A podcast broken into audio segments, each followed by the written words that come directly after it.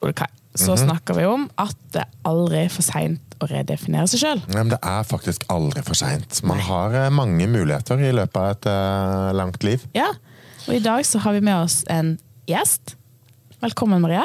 Tusen takk. Du er partolk. Ja. Vil du først begynne å forklare hva det er for noe? Ja, hva er partolk? Det er rett og slett det det sies at det er. Det er en tolk som uh, tolker guider par, først og fremst par, til å forstå hverandre. Relasjonstolk er jo et annet uh, ord uh, som handler om relasjoner generelt. Uh, og disse verktøyene vi bruker i partolking, det funker i alle relasjoner. Men tolking, sier du. Um, ofte så er jo det man tenker på i, altså Man hører ordet tolk, er jo at du har en som snakker et språk som en annen snakker, og så oversetter man til en som ikke snakker språket. Kan det relateres litt til altså, språktolkning? Altså, så er dette Hvordan er tolking her definert? Absolutt. For vi som mennesker, vi kan snakke norsk begge to, men vi er jo så ulike. Og så misforstår vi hverandre, og det er jo det masse konflikter oppstår av. Vi misforstår hverandre fordi vi er forskjellige. Og så tenker vi at vi er så forskjellige at dette går ikke til slutt. Men det er jo ikke det som er utfordringen. Trusselen er jo at vi ikke vil forstå forskjellene, og da trenger man en tolk. Mm. Ja, for det er jo man, De fleste har jo sikkert hørt om kjærlighetsspråkene. Eh, men jeg tenker jo òg at du som da eh, titulerer deg som en språktolk, må jo da nødvendigvis liksom snakke mange språk da, for å kunne liksom tolke og forstå. Hvordan kategoriserer man folk i forhold til det? Eh, Jeg og vi tar alltid en analyse som kartlegger dette paret i møte med hverandre. Eh, Og da får man tak i hva er, det vi, hva er det vi har behov for, hva er det vi justerer ned og prøver å presse opp eller frem for å kunne tilfredsstille den andre eller prøve å leve i en relasjon som kanskje for mange er blitt skakkjørt eller blitt vanskelig. Og da er det som oftest at man ikke har respekt for seg selv, rett og slett. eh, Og klarer å være helt seg selv, men også manko på respekt for den andre, fordi vi ikke forstår. Så når vi snakker om kjærlighetsspråkene, så er jo det ikke bare fem språk, men det er jo massevis av dialekter innenfor hvert språk. Og da kommer partolkingen veldig godt til sin rett.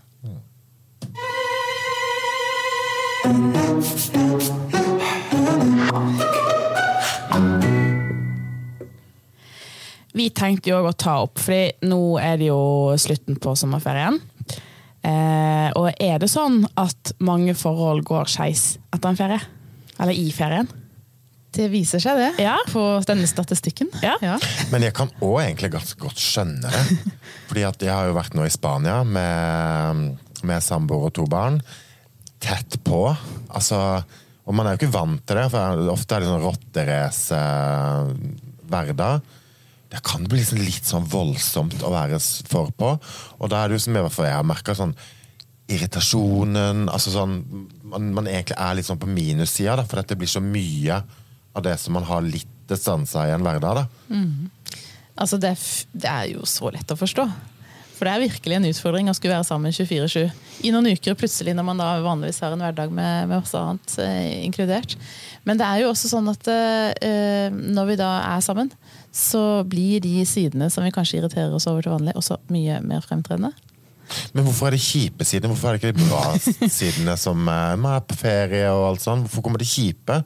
Man skulle egentlig bare fått masse av de gode sidene. Ja, man skulle jo det. Og for all del, veldig mange opplever jo ferien som den beste tida. Da funker vi. Fordi at da viser det seg at stresset er borte, og det er det som er mest belastende, som gjør at det blir vanskelig. Men, eh, men det er jo sånn at vi lettest forstår det som er mest oss sjøl. Si. Vi har lettest for å tolke og oppfatte ut ifra vår egen forståelse.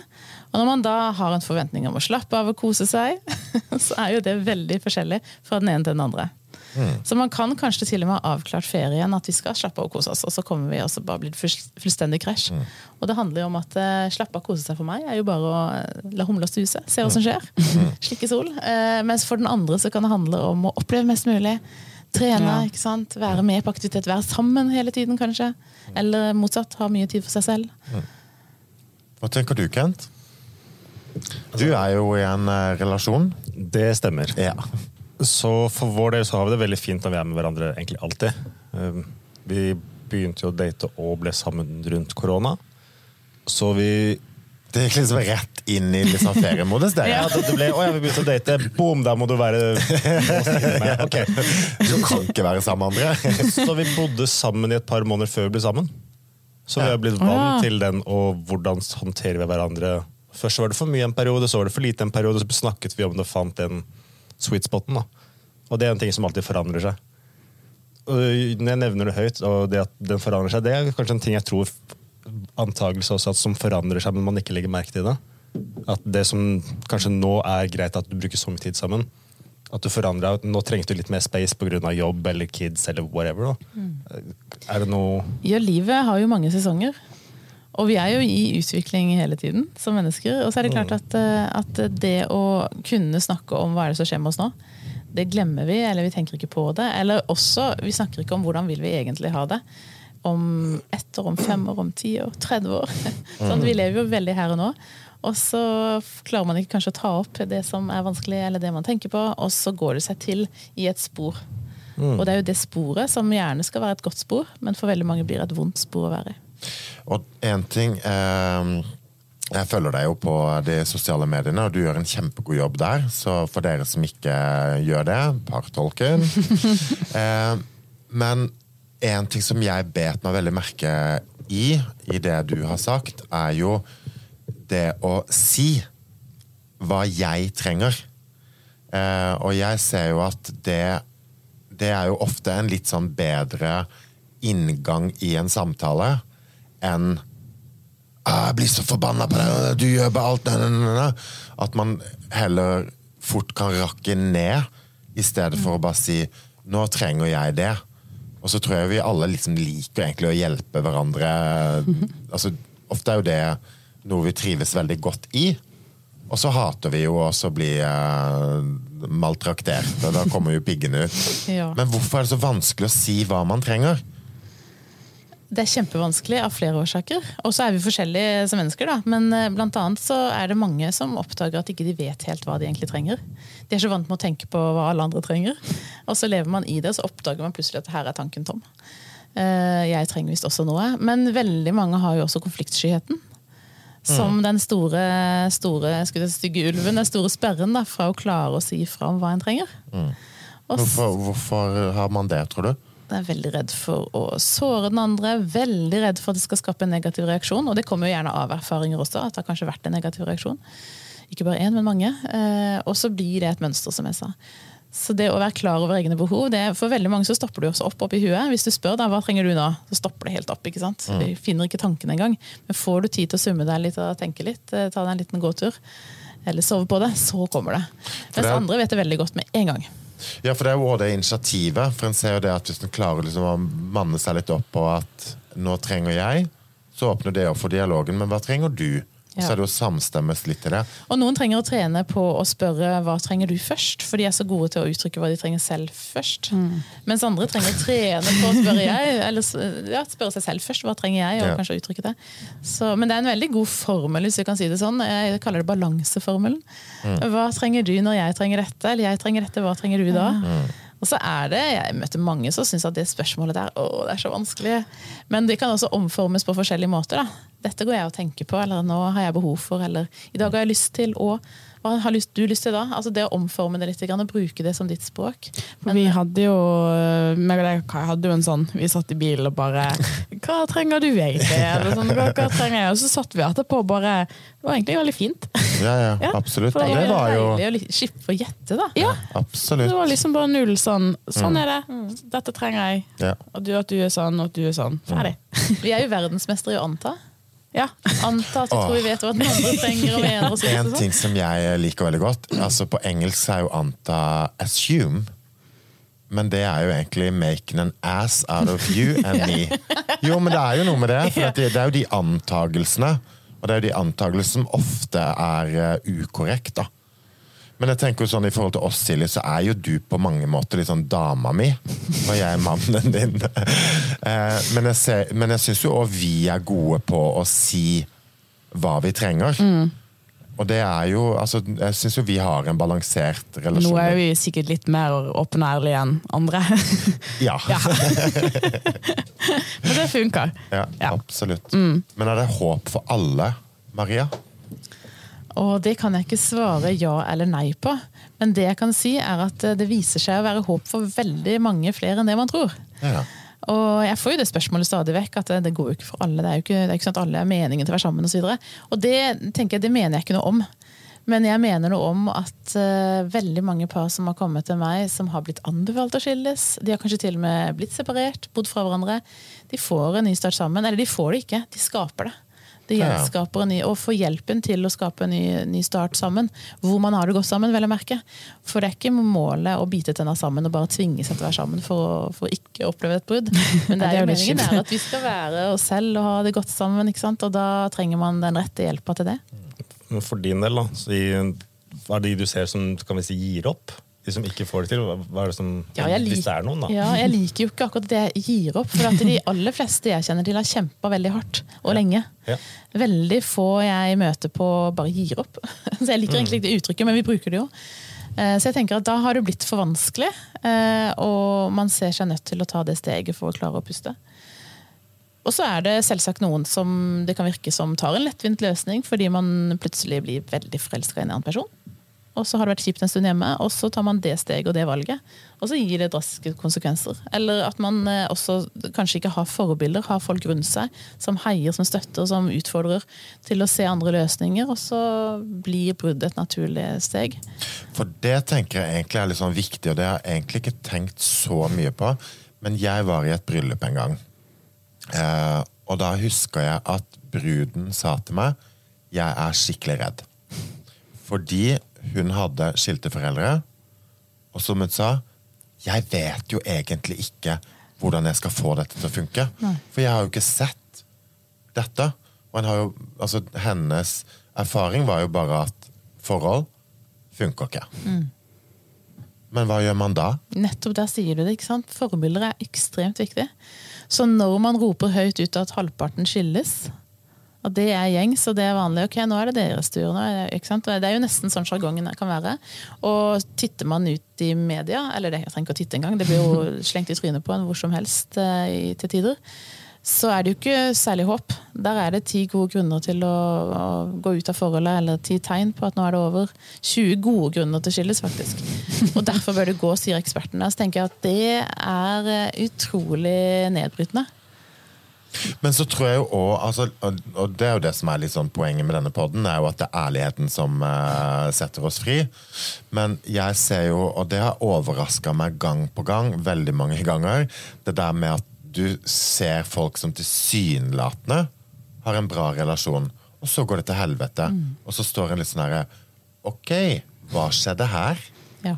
Så man portretterer jo òg et litt sånn glansbilde. Og det tror jeg jo at portretteringen av det glansbildet er jo kanskje det som også er en drita kjip jobb å stå i. da, når det er drit. Det er kjempeslitsomt. Virkelig slitsomt. Og det gjør jo også at det blir langt verre når det går ad undas. Men det er jo en sannhet at vi, vi liker jo ikke å snakke om at vi har det vanskelig. Altså Det er jo et veldig veldig stort tabu å vedkjenne seg at vi, vi, strever. Altså Alle strever. Vi strever også til tider. ikke sant? Alle gjør det. Men å snakke om det, eh, det er veldig privat. Og det å vise at man også oppsøker hjelp, f.eks.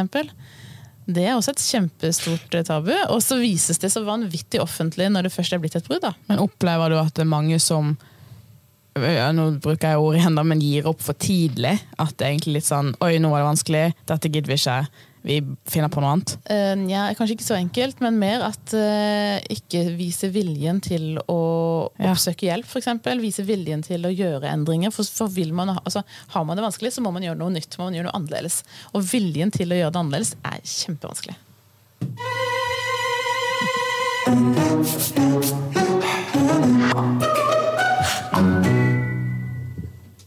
Er det mye skam i folk som oppsøker deg?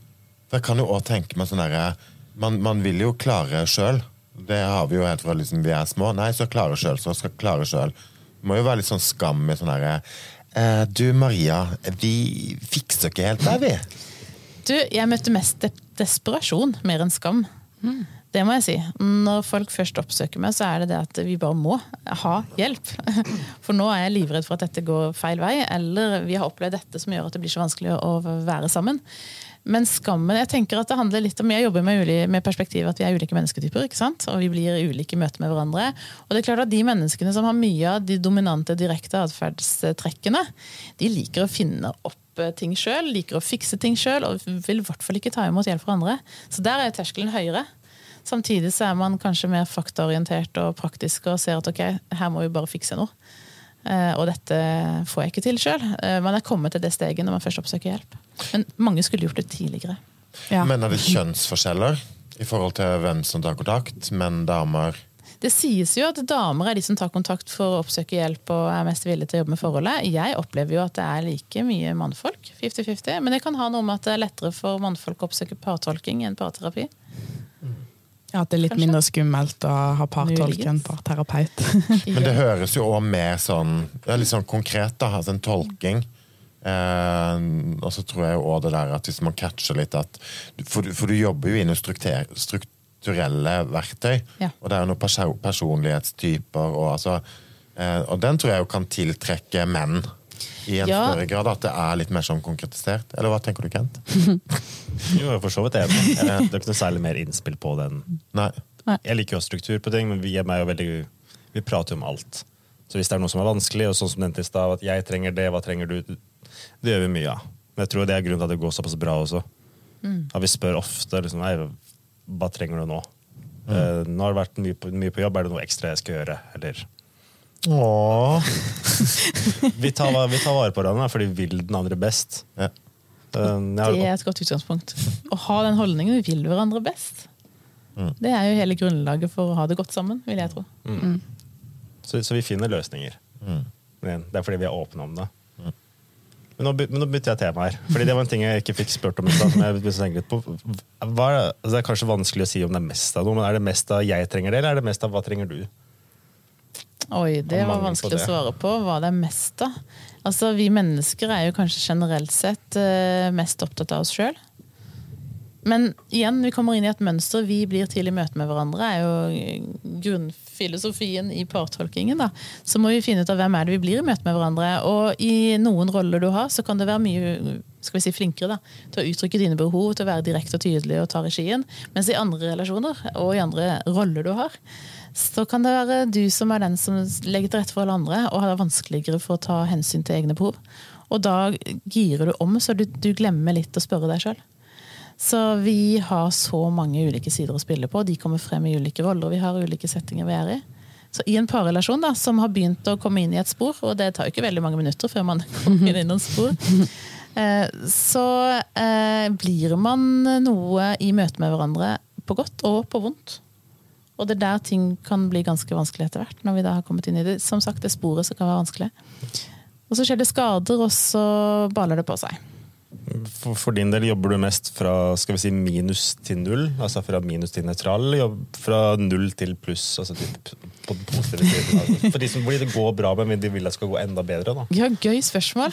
Du, det er ikke tvil om at eh, vi er på minus 20, kanskje. Eller kanskje enda verre. Mm. Og må jobbes opp mot nøytral. Men jeg opplever at det skjer veldig fort for veldig mange. Og det er overhodet ingen quick fix. Det er hardt arbeid. Men det er noe som skjer nesten litt sånn magisk når man opplever seg forstått. Og får et språk til å gjøre seg forstått. Og måten, altså Disse verktøyene vi har i partolkingen, gjør at jeg kan være med og sette ord på for de som sitter der. Og så føler begge seg forstått. Jeg fikk en, en kommentar her senest her om dagen at det er en kunst å kunne klare å møte begge to. Og gjøre begge to like, eh, føle seg like verdsatt og like viktig i en samtale. Og det tror jeg er noe av nøkkelen. Og når det skjer, og man får til det imellom de to, da kommer man til null, og så begynner man å jobbe videre. For vi jobber ikke bare fra minus 20 minus 20 til null. Vi jobber definitivt herfra og videre for å skape noe nytt, for å utvikle noe. Så, så det er trening, det er hardt arbeid, det er prosesser over tid. Men det, for det er, jo, det er jo et viktig aspekt det du sier der. At altså, for dette blir jo òg individuelle prosesser. For dette, du kan jo ikke finne en prosess som funker på begge to. Så det må jo være at du treffer òg individet. Ja. Men jeg tenker jo også, altså, Man har jo litt den der floskelen sånn man må elske seg selv før man kan elske noen andre. Men, men selvfølgelig er det jo noe òg i det, da. Men jeg tror jo òg sånn derre Kan ikke òg eh, når det går litt på minussida i et parforhold, så kan jo det òg være egne issues.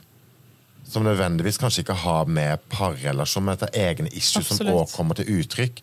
Hvordan løser man det, da? Det er jo en del av hele pakka. Eh, Så Den beste måten jeg jobber med et par på, er jo å gå all in som en personlig trener. Og da jobber jeg med begge to hver for seg og begge to sammen. Ja. Og vi, det omfatter hele livet. Alle relasjoner. For det påvirker parrelasjon.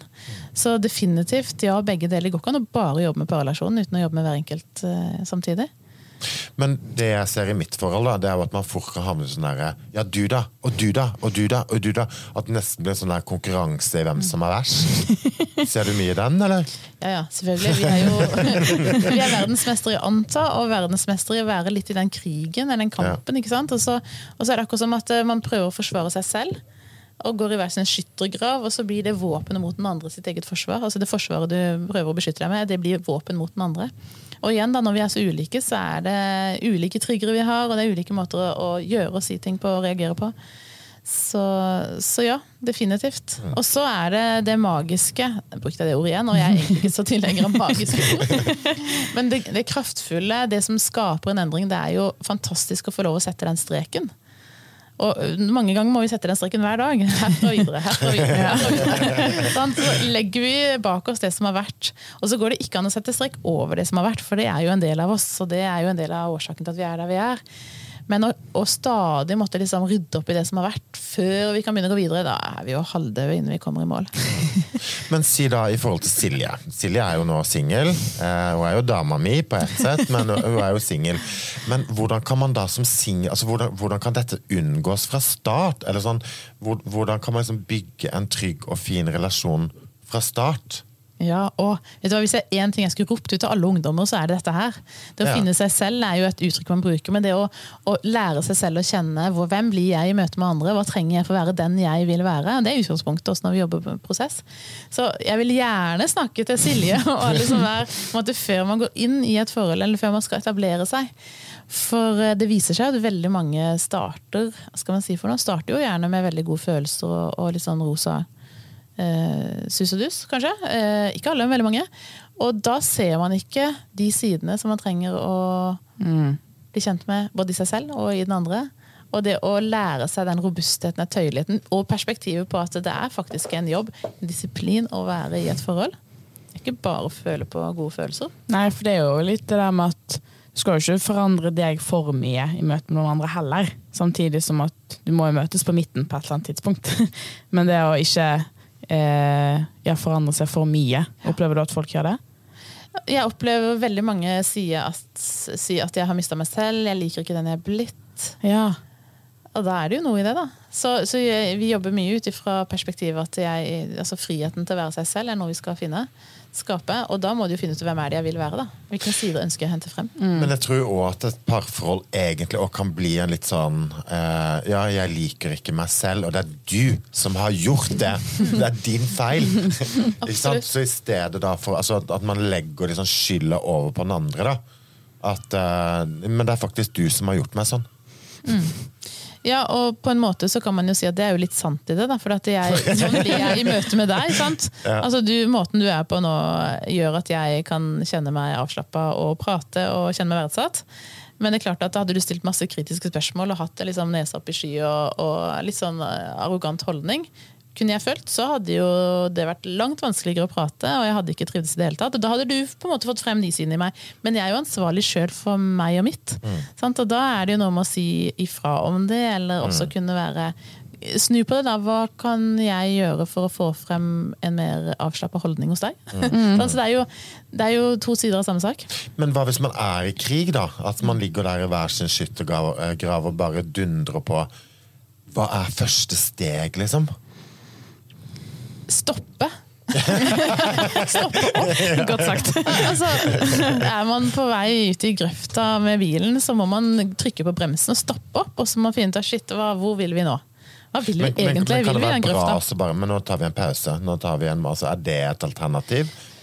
Du, ja, På sett og vis så er det jo, kan det jo være en løsning, eh, og mange tyr til den som en sånn nødløsning for å klare å puste og tenke klart. Eh, Men da må det være en avklart pause som også handler om en prosess gående samtidig. Hvis ikke så er det liksom bare å lukke ned vinduet, og så hold, håper vi at det liksom været er blitt bedre når det går ut igjen. Og det er det jo sjeldent, da. Så, for det også er med på å skape skader. Og det er klart det er kjempeviktig for begge parter å være trygge i den situasjonen og, og, og ha tydelig avklaring på hva vi leser. Men det er noe langt mer effektivt å stoppe opp og finne ut av hvor vil vi egentlig.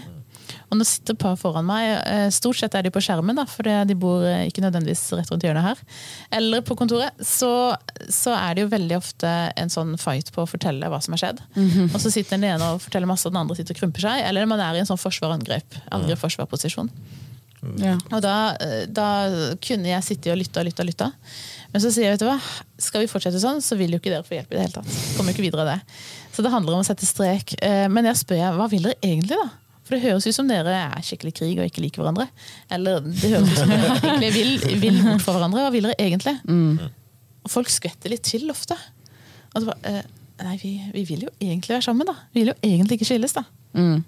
Nei, men Så la oss få til det, da, sier jeg. og så begynner vi å jobbe i den retningen. Og da handler det veldig ofte om å ta tak i liksom det første som detter ned i hodet ditt. Hvis du skulle skape én forskjell, ha én ting endring som ville utgjort en større forskjell, hva skulle det vært? Ja. Og da blir man litt fortumla, og så kan det komme sånn hjertesukk. Åh, at jeg kan dra på jakt med god samvittighet, var det en fyr som sa. og hun bare spretter opp og sier hæ, ja, men det må du gjerne gjøre. Det, er greit. Det er ikke bare deilig at du drar på jakt. Men han følte at det ikke var greit. Ja, men du er jo sur hver gang jeg kommer hjem og jeg får så dårlig samvittighet. Så, så vinninga går i spinninga, for han dro jo på jakt, da, men han, han ble, hadde masse dårlig samvittighet. Og så sier hun at ja, men jeg kunne ønske du var takknemlig. Ja, men det er jeg jo. Nei, men jeg føler ikke det. Ok, hva skal til? Jo, jeg kunne ønske du sa at du var takknemlig. Og du sier det, og gjerne sier det foran andre også. At du er takknemlig for å få reise på tur. Og han bare sa at jeg visste det før. Ja. ja, sant. Men sånn som nå, da. Ettersom at nå finnes det jo partolk. Uh, altså, jeg vet ikke, jeg har ikke sett på tallene. Men jeg vil anta at det er flere som skiller seg i dag enn hva det var for 50, og 70 og 100 år siden. Så langt tilbake, ja.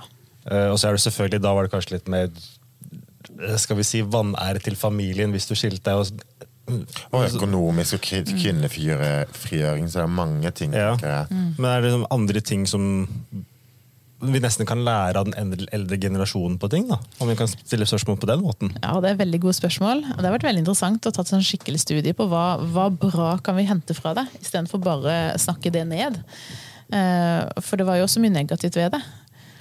Jeg tenker at eh, det å ta et valg og stå for det valget, det lærer vi ikke så mye av i dag. Det var akkurat det, det jeg tenkte det at Hvis du velger å være med noen, så velger det du jo fordi du har lyst. Og da har du òg tatt et valg. Og da er ikke liksom å gi opp med første sving der det er vanskelig. Ikke sant? Og så må man spille med de kortene man har. Man er litt prisgitt situasjonen. ikke sant? Eh, Økonomi var en av årsakene, blant annet. Eh, Og det er litt sånn, I dag så har vi mye større frihet til å velge livet sjøl på alle mulige måter. Altså Ja, det er tøft å, å bryte opp og skulle skilles og splitte opp eh, bo osv., men det er faktisk mulig. Eh, praktisk sett da, og økonomisk sett, selv om det er tøft. Så, så det gjør at eh, når terskelen er lavere for å finne den løsningen, så er det jo flere som gjør det. Og så er det igjen en trend i samfunnet. da. Det sies at skilsmissestatistikken er gått litt ned igjen. Sant? At det er færre som skiller seg. og Det er også viktig å få frem. fordi at når det er en sånn gjengs holdning til at nei, men halvparten skilles uansett, ja, nå er det kanskje vår tur. Så enkelt er det jo ikke, da. Men, men ikke sant? litt den, der, den utholdenheten. Den der, dette er faktisk ikke en løsning. Og jeg ser jo på de som klarer seg videre. En del av de har jo det som en grunnleggende holdning. At, eh, at nei, vet du hva, dette skal vi få til. Men det er skikkelig tøft. Men vi må finne ut av hvordan. Og det er litt sånn eh, igjen tilbake til at vi må finne ut hvor vi vil. da. For bestemmer vi oss for at vi vil til Oslo, det er en fin by å reise til. Sant? Så må vi finne ut hvordan kommer vi oss dit. Er det bil, buss, båt, fly? Eh, og når vi først setter av gårde og f.eks. kjører denne bilen, da, ja, så må vi lade langs veien. Eller punktere vi, så må vi skifte dekk. ikke sant? Det er ikke sånn nei, da driter vi i den turen, vi dropper det ut. Ja, Ofte så er det kanskje sånn der den ene ser for seg det i Oslo, og den andre ser for seg det i Oslo. Ja. Og det må snakkes om. Sånn at vi klarer å I stedet for anta. avklare forventninger. Her var det ikke det du ville? Du sa jo ingenting.